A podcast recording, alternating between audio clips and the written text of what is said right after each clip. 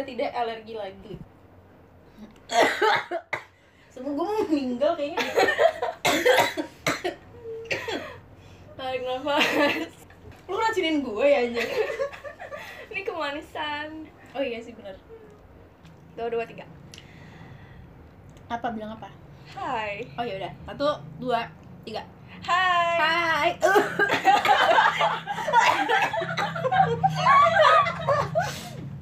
Tunggu gue kenapa dah? Terkutuk ya podcast ini. Dari 4 episode, 2 episode gue alergi, satu episode ini gue bengek. Emang podcast ini tuh sulit.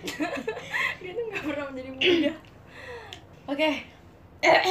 Dah. Udah jangan hai-hai lagi, capek. Udahan hanya Udah. Udah. Eh belum lah, orang kita baru hai doang Kasihan sobat Iya. Lili tidak disapa. Oke hai aja Ya udah, satu, dua, tiga. Hai Sobat. Lilit.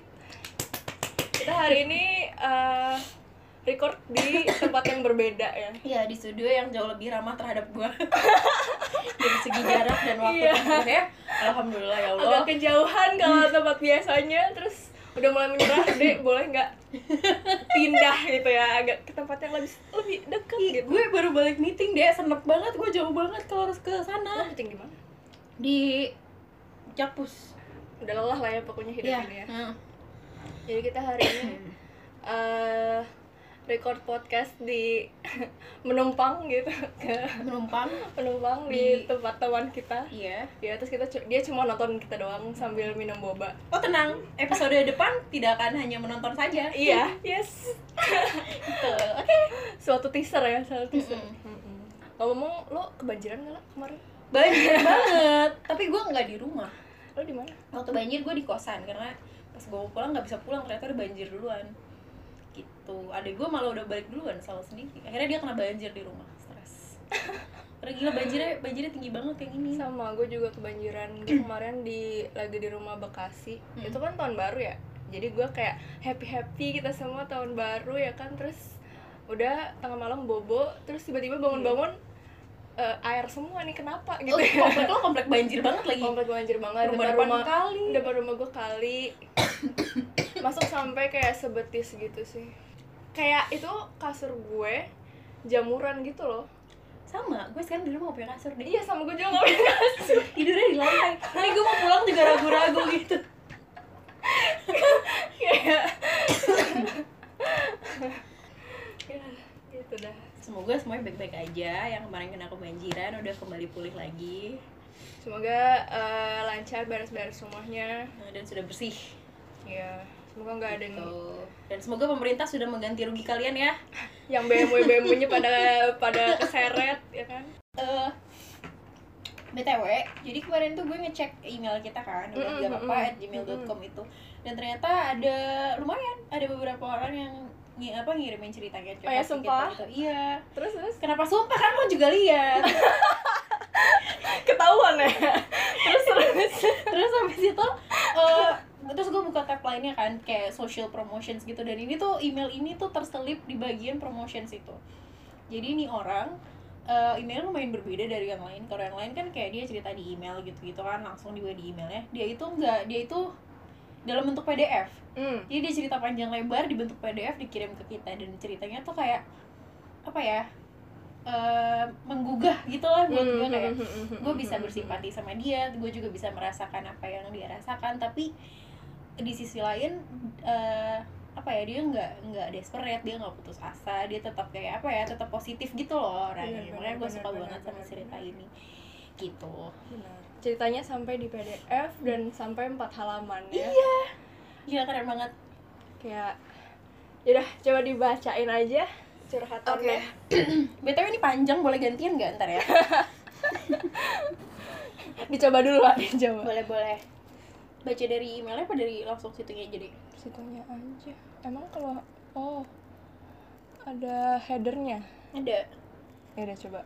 Halo Lala dan Dea, mau cerita, mau mau berbagi cerita saya nih, siapa tahu bisa menginspirasi banyak orang, mau minta pendapatnya dari kalian, siapa tahu juga bisa menginspirasi, membuka mind dan cara pandang saya terhadap masalah ini. Oke, Eh, ceritanya dia bilang, eh, saya lahir dari keluarga sederhana, dari lulus SMA pengen banget bisa menginjakan kaki di sebuah universitas. Karena saya tahu saingan di dunia industri itu berat. Hmm. jadi sebelum kuliah saya pernah bekerja di perusahaan retail swasta sebagai eh, SPB Mhm. SPB itu sales promotion boys. Oke. Tuh kayak SPG tapi cowok gitu. Terus dia kerja kurang lebih satu tahun. Terus akhirnya masalah datang ketika dia memutuskan dia mau daftar ke sebuah universitas swasta di Bandung. Masalahnya itu karena satu keluarganya itu nggak setuju dia itu mau ngelanjutin pendidikan terutama papahnya. Katanya Hmm. papahnya bilang gini "E, udah nggak usah kuliah kerja aja. Nanti juga naik jabatan pelan-pelan nggak usah kuliah gitu. Papanya mikir ngapain kuliah? Ujung-ujungnya semua juga balik lagi nyari kerja gitu kayak kalau kuliah kan ujung-ujungnya juga lo kerja kan gitu. Jadi ngapain lo mesti kuliah dulu ngabis-ngabisin duit gitu kan.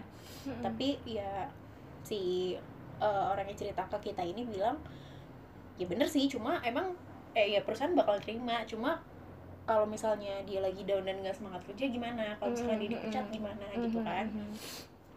Pada akhirnya dia mutusin untuk lanjutin pendidikannya dulu. Karena dia yakin dia akan bisa nyari kerjaan yang mendukung kuliahnya dia gitu. Hmm, jadi dia kuliah ambil kelas karyawan sambil nyari kerja. Oke.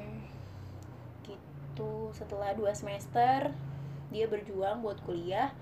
Akhirnya datanglah masalah yang paling dia takutin. Tabungan dia untuk kuliah ini habis. Aduh, jadi dia nggak bisa apa nggak bisa lanjutkan kuliah. lanjutin kuliahnya. Karena selama dua semester itu dia juga belum nemuin kerjaan oke. gitu nah pas liburan kuliah akhirnya ya dia ngirim lamaran. Tiap hari dia masukin lamaran ke perusahaan-perusahaan. Sampai udah nggak mandang lagi perusahaan itu bisa dukung dia atau enggak yang penting dia kerja dulu yang penting dia dapat Hmm. gaji gitu. Mm-mm. akhirnya dia dapat panggilan dari salah satu perusahaan finance. Eh, singkat cerita akhirnya dia diterima. Pas dia diterima senang dong dia. Iya hari pertama hari pertama itu dia kayak baru briefing lah kenalan kenalan dulu kan seperti Hmm. biasa. Nah terus habis itu ternyata dia merasa kok ada yang apa ya mencurigakan gitu. Aneh nih orang kerja yang orang yang orang-orang yang kerja di sini tuh di kerjaannya? Iya di kerjaannya tuh kayak aneh gitu karena orang-orangnya pada nyantai semua. Kerjanya Mm-mm. cuma main HP doang gitu. Terus dia training eh sampai suatu hari dia ditanya sama atasannya dia kan nggak nggak kerja kerja kan. Oh ya gitu kayak ih gabut banget gitu loh di kantor. Mm-mm. akhirnya karena dia bingung dia nanya ada kerjaan apa. Terus seniornya bil nanya ke dia punya kenalan atau database gak gitu. Database buat apa?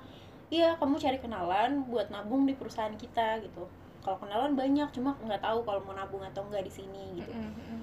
terus ya udah si atasan ini minta ke dia yaudah lu kamu list deh eh, nomor HP namanya siapa ntar kita kontak bareng-bareng supaya mereka mau nabung di sini Hmm. gitu ya udah ternyata kerjaan dia nulis database doang dia kerja di situ kurang lebih dua minggu sampai karena dia terlalu curiga sama perusahaan itu akhirnya ya udah dia memutuskan kayak oke gue harus cari nih perusahaan ini sebenarnya tuh apa gitu mm-mm. gitu dia browsing dan ternyata dia baru nemu kalau perusahaan ini tuh isinya ternyata penipuan gitu jadi sistemnya gini perusahaan itu mengharuskan karyawannya buat nyari nasabah dengan modal 100 juta Mm-mm. buat trading di perusahaan tersebut. Nah kalau misalkan si karyawan ini nggak dapat eh, calon nasabah, dia Mm-mm, nggak akan digaji gitu. Hmm.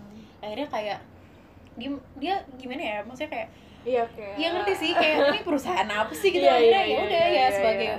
sebagai Iya. makhluk yang rasional dia memutuskan untuk keluar dari perusahaan tersebut gitu. Itu waktu itu lagi libur kuliah ceritanya.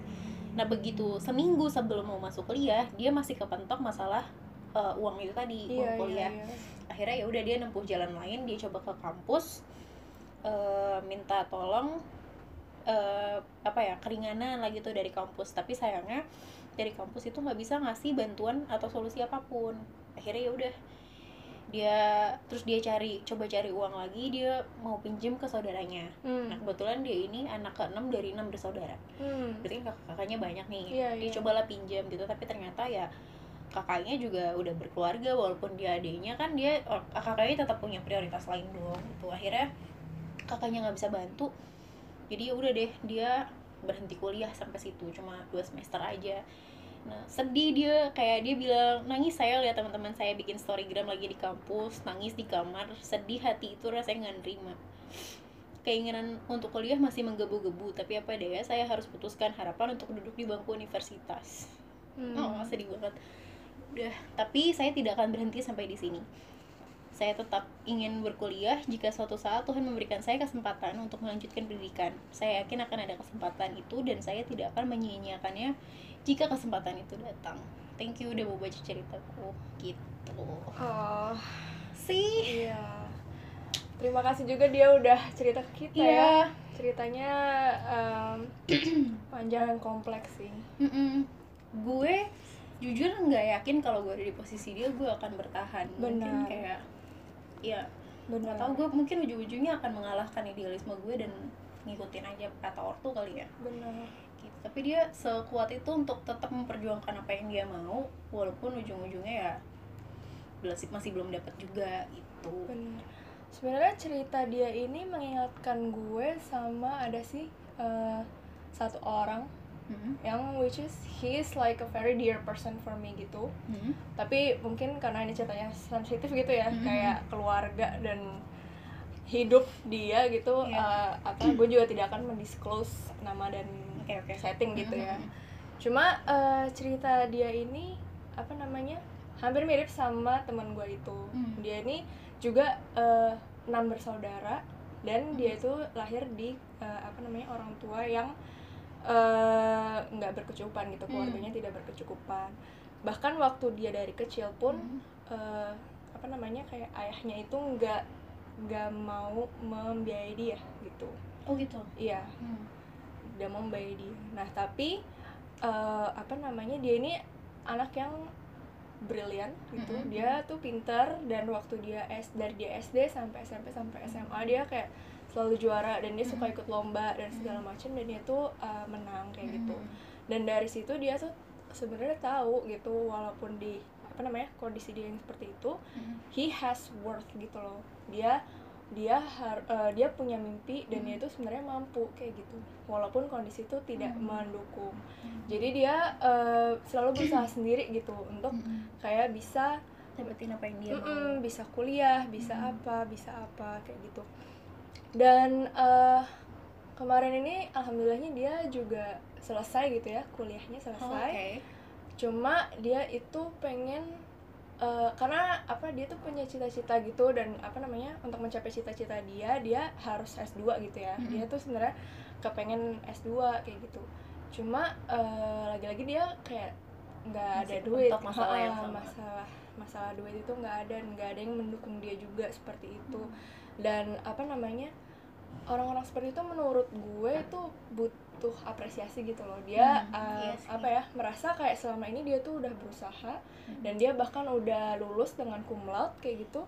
Uh, terus apa namanya tapi ke- begitu dia kayak pulang kayak ke keluarganya gitu Hmm. dia dia merasa apa ya gue nih udah berjuang selama ini sendirian Mhm. dan gue udah sampai di sini bisa nggak kayak apa namanya gue meneruskan gitu gue mau S2 bisa Iya. nggak kayak ada dukungan buat gue tapi ternyata nggak ada tetap Hmm. gitu orang-orang tetap kayak ketika udah lu ketika keluarga adalah jadi jadi hal tempat lo pulang harusnya mereka bisa mengapresiasi lo mengapresiasi lo dengan baik ternyata mereka tetap nggak suportif gitu Mm-mm. Terus eh, pada akhirnya dia apa ya nggak nggak bisa apa belum bisa melanjutkan dan eh, dia sempat juga kesulitan mencari kerja kayak Hmm. gitu eh apa namanya gue apa namanya gue sempat ini sih apa namanya me, tuk, apa namanya kayak ngobrol-ngobrol sama dia soal hal ini dan dia merasa oh ya itu hal yang kayak dia juga rasakan Hmm. kayak gitu gitu sih kadang ini ya apa namanya kadang kita tuh suka lupa gitu ya kayaknya Mm-mm. eh apa kalau seandainya gue dan lu kayak Hmm. gitu untuk bisa kuliah atau bisa apa belajar atau Hmm. bisa melakukan hal-hal yang dasar Mhm. kita tuh kadang nggak mikir gitu nggak sih kadang kayak ya udah aja ini tuh sesuatu kita hal pikir yang, ini tuh hal yang ba- basic hal yang wajar untuk kita punya Mm-mm. padahal sebenarnya itu privilege yang buat sebagian orang itu tuh sesuatu yang Iya. lo tuh harus usaha banget buat lo kayak gitu sampai kayak tumpah darah penghabisan Hmm, gitu iya. untuk dia bisa mencapai hal yang sama kayak Hmm. gitu sih gue mau apa ya menurut gue dia keren banget sih gitu. Hmm. karena despite all despite the condition he's in dia masih uh, berusaha. And even go the Hmm. extra miles Mm-mm. for it gitu loh. Untuk kayak ya udah gue kerja kerja. Ya udah gue uh, kuliah kuliah. Melakukan apa yang dia perlukan untuk mencapai ke sana. Kayak gitu sih. Gue juga pernah ini uh, jadi waktu gue dulu koas Mm-mm. ada uh, apa namanya ada pasien gue gitu Oke. jadi waktu gue lagi kayak di uh, di stase jiwa Mm-mm. jadi ada uh, pasien yang dia itu anak kuliah di fakultas uh, yang ternama di uh, universitas yang ternama gitu. Mm-mm. Nah dia tuh datang ke gue dengan dia bilang dia eh apa ya dia sang, sangat sedih dan dia tuh eh, ingin bunuh diri kayak gitu. Gara-gara? Nah jadi dia eh, apa namanya dia juga lahir di dia juga anak yang pintar dan juga dia tuh lahir di eh, keluarga yang Nggak nggak suportif. eh, eh, nggak nggak nggak berkecukupan seperti itu Oh, oke oke.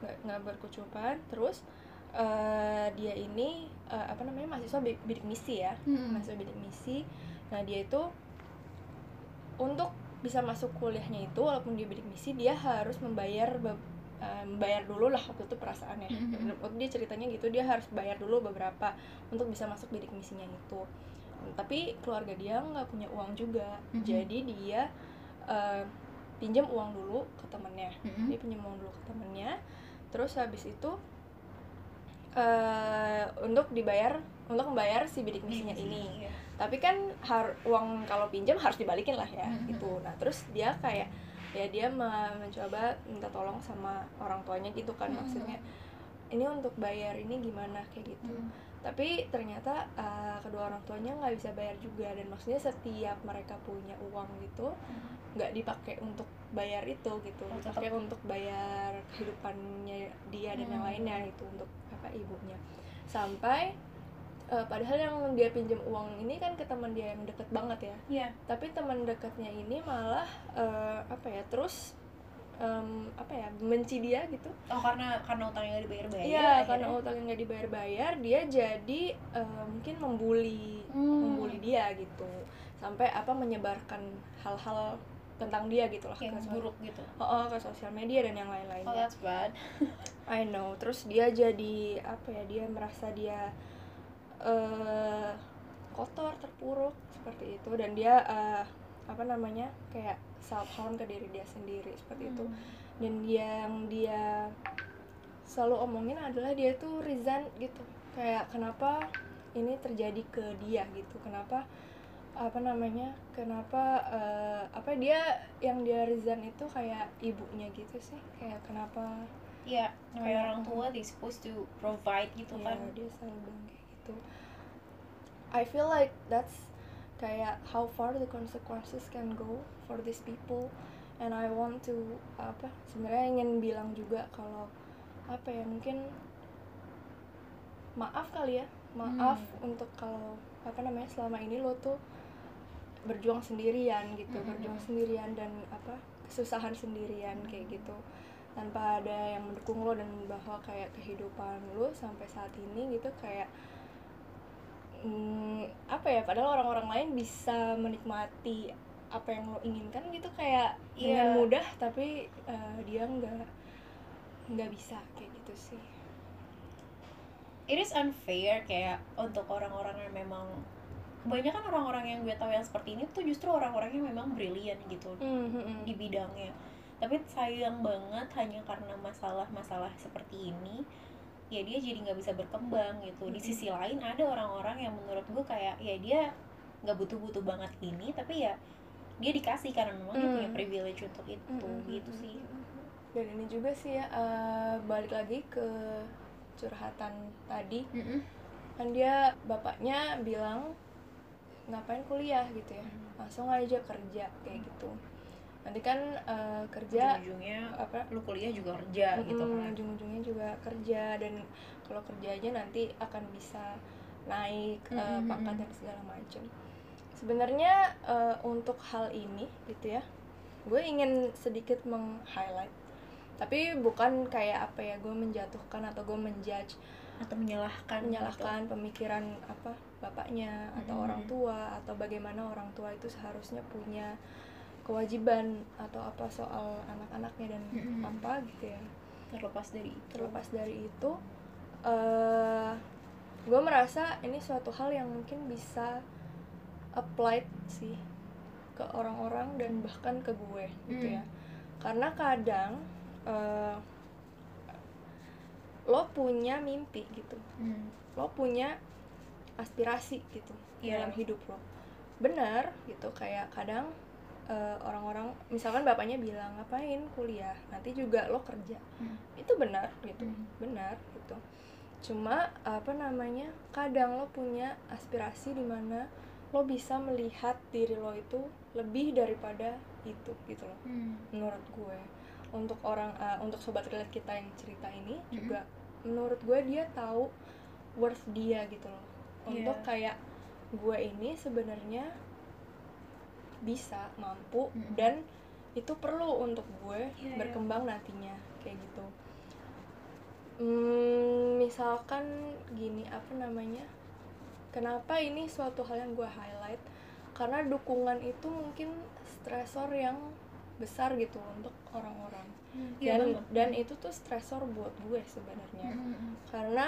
eh, gue tuh ini apa namanya sekarang ini kan gue baru saya koas ya Iya. gitu dan kayak ma- gue ada di ambang nih men- menanyakan kepada diri gue sendiri Hmm. gue mau ke mana nih gitu apa yang mau gue lakukan ke mana gue akan melanjutkan ini Mm-mm. semua gitu ya nah eh, sejujurnya banget nih ya gue selama koas kemarin gue tuh benci banget koas gitu gue eh, apa gue benci banget bangun pagi setiap hari untuk koas kayak gitu Hmm.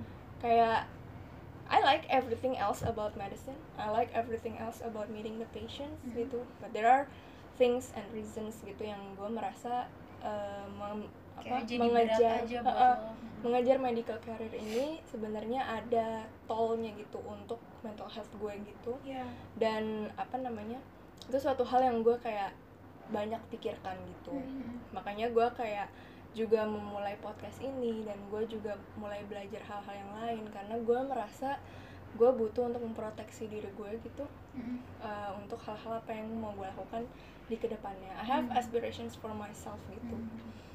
tapi gue merasakan kalau apa namanya kadang orang-orang ya punya respon yang uh, I mean uh, misalkan gue bilang itu sama bokap gue iya pak aku kayak uh, apa namanya ya lagi lihat-lihat bisnis atau apa mereka Mhm. akan kayak loh dokter tuh kan harus jadi spesialis dan nantinya Hmm, gitu-gitu iya, iya, gitu gitu iya. kan kayak lo akan sekolah terus dan jadi spesialis dan praktek Hmm. gitu bahkan kemarin teman gue ada juga yang dia itu ini apa namanya eh selesai jadi dokter gitu Mhm. terus dia eh apa namanya kayak pengen ngajar gitu Mhm. dia pengen ngajar itu bahkan yang diajar juga anak-anak FK gitu untuk ujian ini kemarin ada bimbelnya dia pengen ngajar di bimbel itu tapi orang tuanya bilang em, apa namanya loh dokter ngapain ngajar dokter ya kerjanya di rumah sakit gitu Iya, dia iya. bilang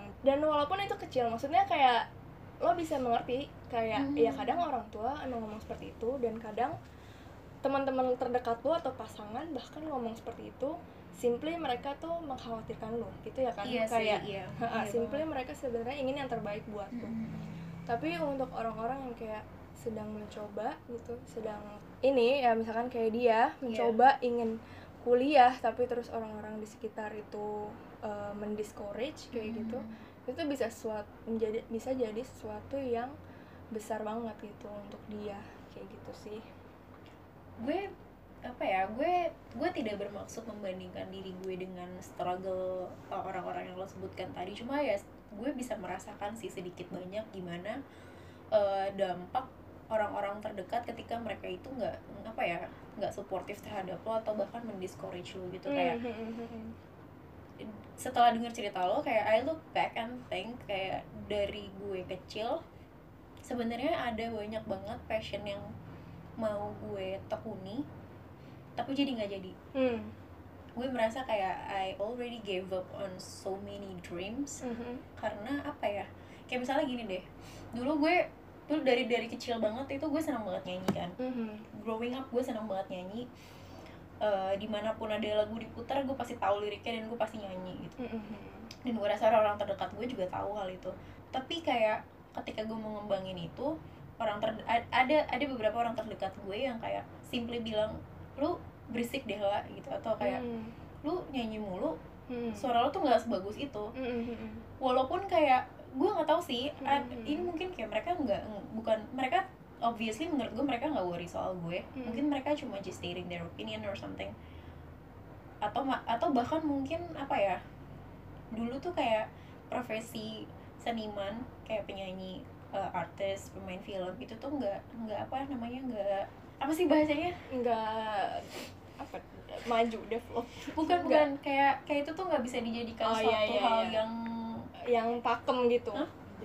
Iya itu bukan hal yang menjanjikan Oh, gitu. iya, Mungkin iya. mereka ingin mem- me- ingin melindungi gue dari itu gitu. Iya, iya, Jangan iya, jadi benar, seniman benar, benar, gitu benar, loh intinya. benar, benar. Gitu. Mungkin itu. Cuma dari komen-komen kayak gitu, I gave up on that. Sampai sekarang gue nggak pernah mau kalau gue disuruh nyanyi kayak I still love singing tapi kayak gue nggak nggak develop gitu. Gue nggak Hmm. nggak berkembang di mana-mana. I don't take vocal lessons I don't take anything karena menurut gue itu akan percuma. Dan gue sekarang udah umur segini menurut gue udah terlambat aja. Hmm. gitu.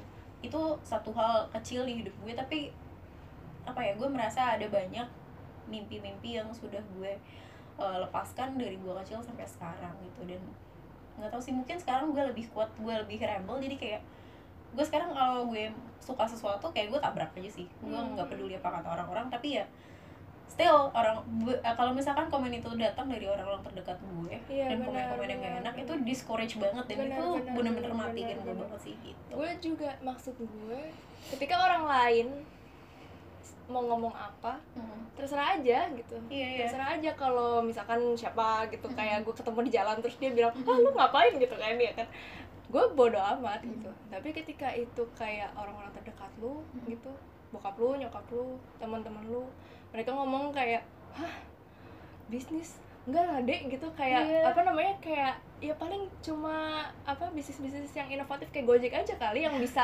bisa Iya, besar heeh. kayak gitu kan maksudnya gimana ya gue nggak naif gitu gue tahu semuanya itu susah semuanya itu berat. Mm-mm. iya. gue eh, dokter ya berat gue mau bisnis apa ya berat kayak Hmm. gitu cuma em, mungkin gampangannya orang-orang ya punya aspirasi gitu Hmm. mereka tahu eh, worth mereka sendiri mereka Iya, tahu iya. apa yang mereka bayangkan sendiri gitu menurut gue Hmm. untuk bahkan untuk sobat real kita ini yang curhat gitu ya Hmm. kenapa dia tetap kekeh sih untuk kuliah padahal benar kok yang dibilangin Iya, sama heeh. orang tuanya Eh, ya itu karena menurut gue dia tahu kayak gitu kadang-kadang orang-orang mungkin bisa aja bilang kayak udah ngapain ini aja yang yang safe aja yang deket Iya, deket iya, aja heeh. Lakukan Tapi- apa yang lo bisa aja Iya, gitu. Kenapa heeh. harus dipaksa? benar gitu. benar benar tapi kalau selalu melakukan yang kayak gitu ya kita eh, akan mencapai yang deket-deket aja terus gitu gak sih Iya sih. Tapi ini good good good intake banget sih buat gue karena hmm. gue orangnya kan apa ya gue super realistis gitu kan orangnya. Mhm. Kayak gue selama ini tuh benci banget orang-orang yang idealis kayak Hmm, hmm. you have to aim higher if you want to be higher gitu kayak menurut Hmm. gue itu tuh bullshit kayak ya udah lo kerjakan apa yang lo bisa aja jangan naif bla bla bla gue tuh orang yang kayak gitu tapi mungkin itulah sebabnya justru kenapa hidup gue mediocre mediocre aja kali ya. Dan lagi maksud gue gini kayak apa namanya ya kadang mungkin orang-orang punya aspirasi yang berbeda gak sih? Nggak semua orang punya aspirasi yang sama gitu kayak pasti dong. ada orang yang dia eh, ya emang udah pathway-nya mau jadi dokter mau jadi spesialis praktek Hmm. udah gitu. Kadang ada juga orang yang cita-citanya cita-citanya pengen jadi PNS gitu. Udah eh, tes CPNS jadi PNS udah. Atau mungkin dia kayak pengen punya keluarga gitu. Ya udah dia selesai sekolah menikah punya anak udah kayak gitu loh. Dan itu Kayak- gak masalah kan? Iya itu nggak masalah sama sekali kayak gitu. Tapi eh, apa namanya ya itu kayak aspirasi nggak semua orang sama kayak gitu. Hmm. jadi gue bisa merasakan sih untuk kayak apa yang dia lalui gitu sih. Dan lagi gini sih gue merasakan banget sih eh, hal itu. Mm-mm. karena maksud gue gue sangat mengapresiasi orang ini gitu loh. Karena Mm-mm. dia ber- bisa ngomong kalau gue yakin gue bisa gitu iya gue iya. gue yakin dan gue mau dan gue Iya. akan bisa sampai ke sana karena hal itu tuh susah itu menakutkan banget gitu loh untuk Iya. lo kayak keluar dari jalan yang lu biasanya dan Mm. dari perkataan lo semua orang-orang ini dan memilih jalan lo sendiri ke yang lo mau gitu iya hmm. menurut gue itu keren banget itu keren banget gue pun apa namanya eh, membuat podcast ini pun sangat takut. Ngerti gak Iya, sih? Iya. ini kayak bukan suatu hal yang gue kayak biasa lakukan Iya. gitu kayak tujuan gue mana. Tapi pada pada waktu itu gue pun ini apa gue sempet juga kayak di pada suatu fase di mana semua orang ini seperti menyerang gue gitu. Kayak Hmm. mereka semua mempertanyakan emang lo bisa gimana sih dek? Apa yang lo mau sih sebenarnya? Emang gimana sih caranya gini gini gini gini? Gitu kan. Hmm. emang apa sih? Bla bla bla.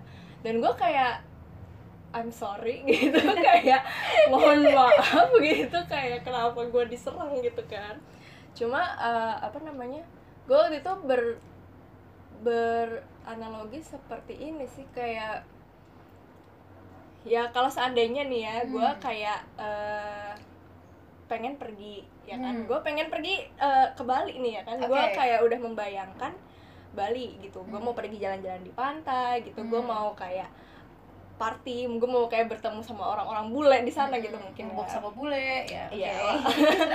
gitu cuma gue kayak eh, bersama orang-orang ini yang mau ke Gambir gitu loh hmm. ya kan misalkan terus habis itu nanti apa ya mereka akan kalau misalkan gue maunya ke Bali tapi gue perginya sama orang mau ke Gambir ya gue akan ke Gambir gue gak akan ke Bali ngerti nggak sih? iya iya benar benar benar dan kayak kalaupun gue mau ngotot gitu Hmm. maksudnya kayak yang gue pelajari adalah I have to go out from there gitu loh. Maksudnya Hmm. gue harus pindah kereta lah gitu iya lo harus ke airport lah iya gitu. gue harus harus oke I'm sorry gitu. Gue kayak harus pergi ke Bali nih. Gue Iya. bukan mau ke Gambir gitu kan. Iya, cuma iya. maksudnya ketika gue kayak dikelilingi sama orang-orang yang mau ke Gambir gue kan jadi discourage gitu. Maksudnya iya iya. gue tetap bilang sama mereka enggak guys gue gak mau ke Gambir gue mau ke Bali. Mereka kan kayak ini ada analogi paling absurd. Mereka mereka kan kayak hah? Gitu kayak ngapain lu kayak ke Bali gitu? Lo kayak ngapain ke Bali? Orang kita Iya. udah di Gambir gitu orang kita mau ke sana gitu nggak sih? Kayak kita kan mau ke sana ngapain Iya, lu iya. ke, Bali? Emang di Bali ada apa? Iya. emang ini ada apa? Kayak gitu.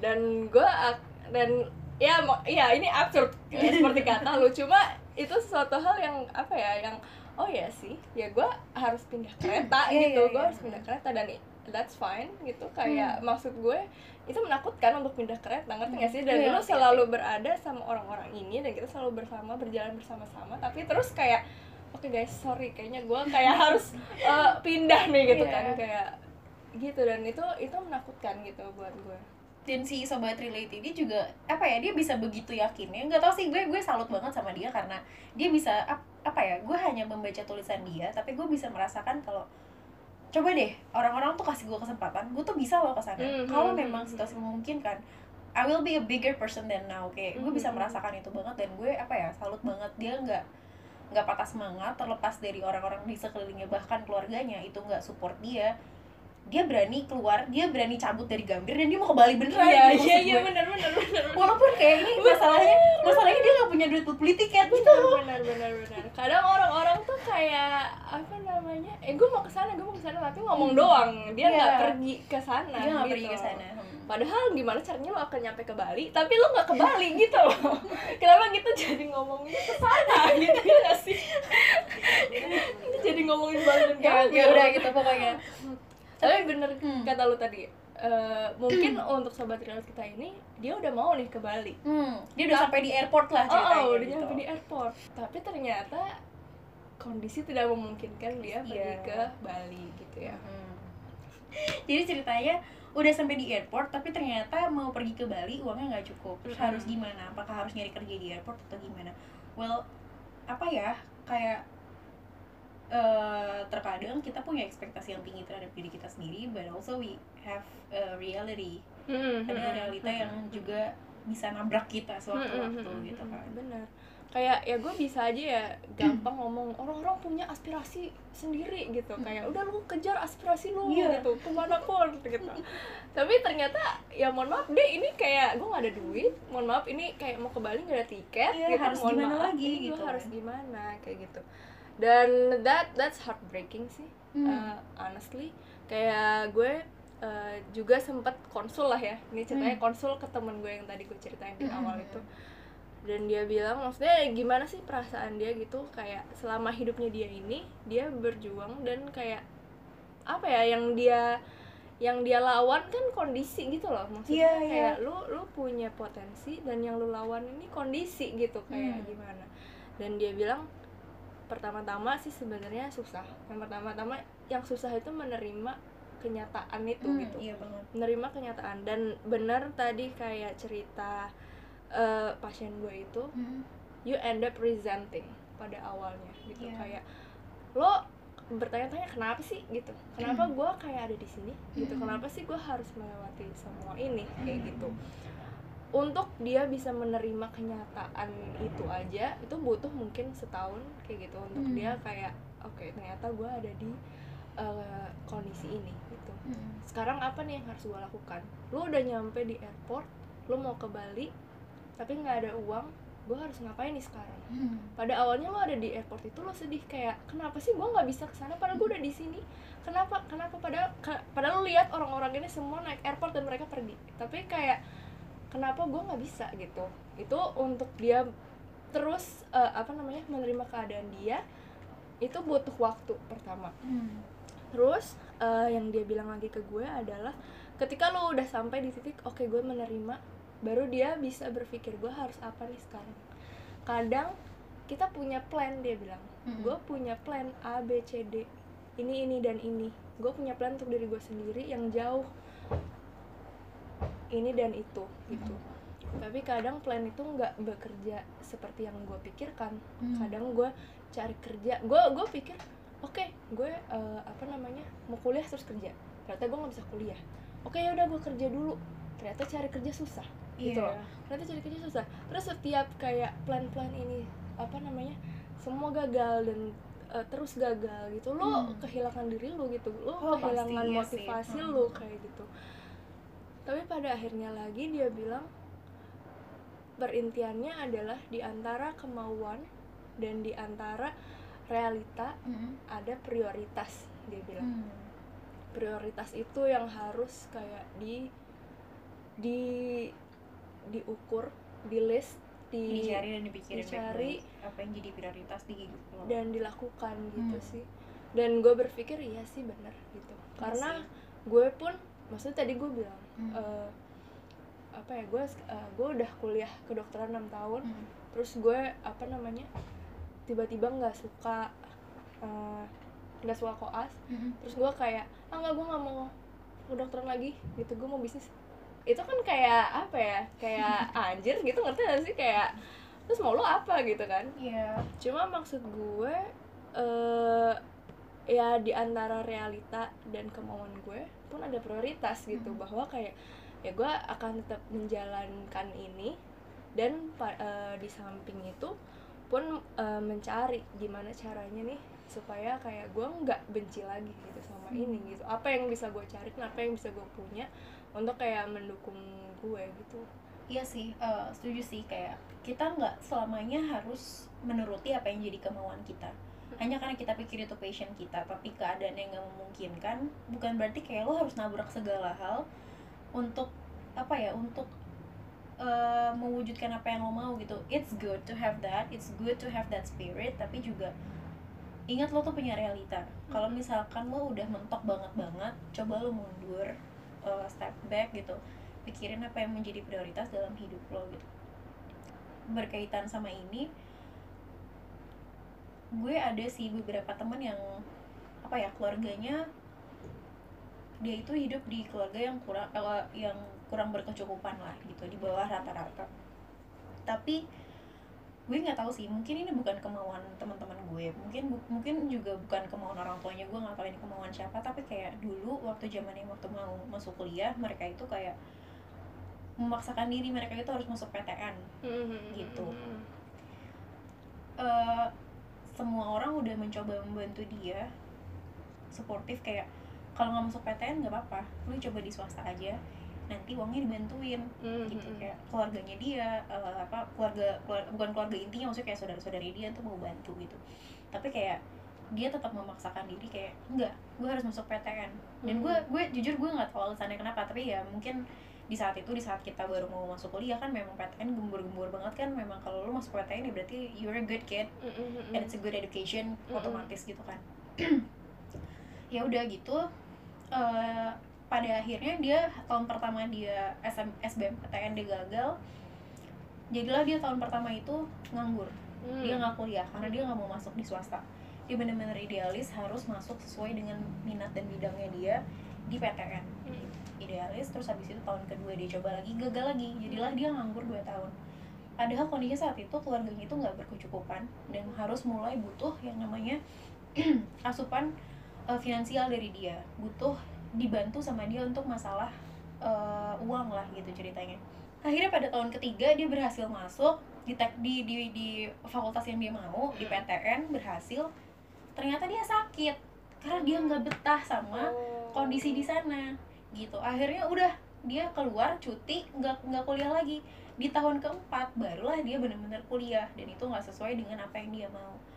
Maksud gue gini eh di sini kemauan lo adalah lo pengen kuliah di fakultas yang lo mau eh, di perguruan tinggi negeri. Tapi realitanya orang tua lo itu juga lagi butuh uang butuh bantuan dari lo. Dan apa ya maksud gue keluarga lo tuh suportif gitu mau bantu. Lo harus mempertimbangkan mana yang jadi prioritas? Apakah lo bener-bener seidealis itu untuk merelakan keluarga lo eh, terpincang-pincang ekonominya demi nungguin lo kerja gitu? Maksud gue di sini adalah eh, prioritas ini tuh bisa jadi apa ya suatu hal yang menyeimbangkan antara kemauan lo Mm-mm. dan apa tadi? Realita. Realita kehidupan lo gitu sih susah sih untuk lo untuk memenuhi kemauan lo gitu. Ah, pasti ada jalan tapi Iya, mungkin benar. jalan yang lo tempuh itu harus agak lebih panjang daripada Benar, yang lain benar, gitu. dan buat si sobat relate ini gue personally sama sih kayak dia gue mau gue merasa apa ya gue sedih I feel sorry Eh, lo harus menghadapi situasi seperti ini. Eh, menurut gue lo deserve untuk punya eh, hal-hal yang lebih baik lagi dalam hidup lo semoga lo tuh punya lo tuh bisa diberikan apa ya waktu. Hmm. gue tahu lo sedih banget. Kayak apa ya gue gue bisa merasakan sedihnya dia ketika dia bilang dia tuh nangis ngelihat Instagram teman-temannya lagi di kampus gitu. Kayak it's a simple thing buat gue tapi Mhm, kayak mhm, di sini tuh kondisinya tidak memungkinkan dia untuk join dengan teman-temannya dan itu adalah hal yang benar-benar sedih banget. Gue harap lo punya waktu untuk uh, step back dari hidup lo sebentar lo punya waktu berpikir dan memaafkan keadaan lo gitu. Semoga lo nggak sampai marah benci dengan teman-teman lo atau bahkan benci sama bokap lo gitu. Benar. Gue juga I wanna speak uh, directly to you through this podcast uh, buat sobat relate kita yang udah curhat ke Mhm. email kita. Senang banget lo uh, udah curhat ke kita di PDF for four pages iya. long uh, menceritakan keadaan lo dan I know I know it's hard I'm sorry. Uh, maaf itu semua berat buat lo gitu. Kayak maaf selama ini lo berjuang sendirian dan I know it's it's scary. It kayak apa ya menakutkan untuk kayak jadi sendirian dan punya aspirasi yang ingin lu capai. I have my aspirations too dan kayak mm, dan itu sulit gitu dan kayak gue tahu lu udah berjuang se, se- sekeras mungkin dan gue mengapresiasi itu menurut gue lo hebat banget. Gue cuma berharap lu pertama mungkin bisa memaafkan semua keadaan ini mungkin bisa memaafkan kenapa ini semua terjadi sama lo gitu memaafkan hal ini yang terjadi sama lo gitu. Kadang hal-hal itu terjadi terjadi aja dan dan setelah itu semua gue yakin di situ ada suatu hal yang eh, lagi-lagi bisa dipelajari. Mungkin jalan lu itu kayak lebih panjang daripada orang-orang Hmm. lainnya. Tapi that's what makes you you dan eh, apa namanya dan gue tahu this is big change. Maksudnya orang biasanya kuliah terus tiba-tiba nggak kuliah lagi that's kosong banget sih rasanya. Itu that's that's that's that's scary that's big. Itu menyeramkan gitu gue kayak membayangkannya pun menyeramkan gitu I hope you have your own time and space uh, punya ruang sendiri untuk sort that out gitu untuk kayak melihat lagi situasi lo dan melihat lagi keadaan lo dan uh, mulai lagi pelan-pelan berjalan dari situ. Ya gue nggak akan apa ya bilang kayak udah lo nggak apa-apa lo pasti bisa atau apa. Well kita bukan podcast yang seperti itu. well fuck do I know ya kan? kayak mungkin yang sekarang terjadi itu nggak sesuai dengan rencana lo uh, gue tahu lo punya punya mimpi yang besar dan pandangan diri lu pandangan untuk diri lu sendiri yang besar pada akhirnya. Gue uh, gue berharap lo kayak akan bisa mencapai itu pada suatu hari nanti. Hmm. terus uh, ini sih mungkin yang gue pelajari juga tambahan. Apa? Ini uh, apa? Yang penting juga itu mungkin ikhlas gitu. Yeah. yang diikhlaskan tuh apa? Misalkan gue tadi mau pergi ke Bali ya. Mm -hmm. yang gue yang gue pikirkan adalah di sana gue senang-senang. Gue jalan-jalan di mm. pantai gue bertemu dengan bule-bule dan segala macam ya. Mm. gue shopping-shopping. Terus gue pergi ke sana naik airport. Tapi ternyata di Bali nggak seperti yang gue bayangkan. Mm. ngerti gak sih? Ternyata Bali uh, apa ABCD yang lainnya ternyata tidak seperti yang gue bayangkan awalnya. Mm. gue berharap lo ikhlas sih.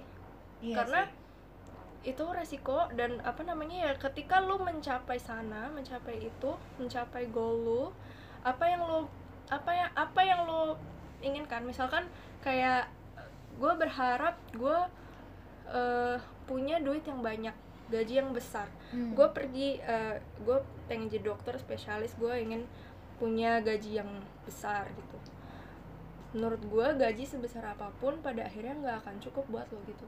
Ketika yeah. lo kayak punya duit eh, satu uh, juta lo akan pengen punya gaji 10 juta.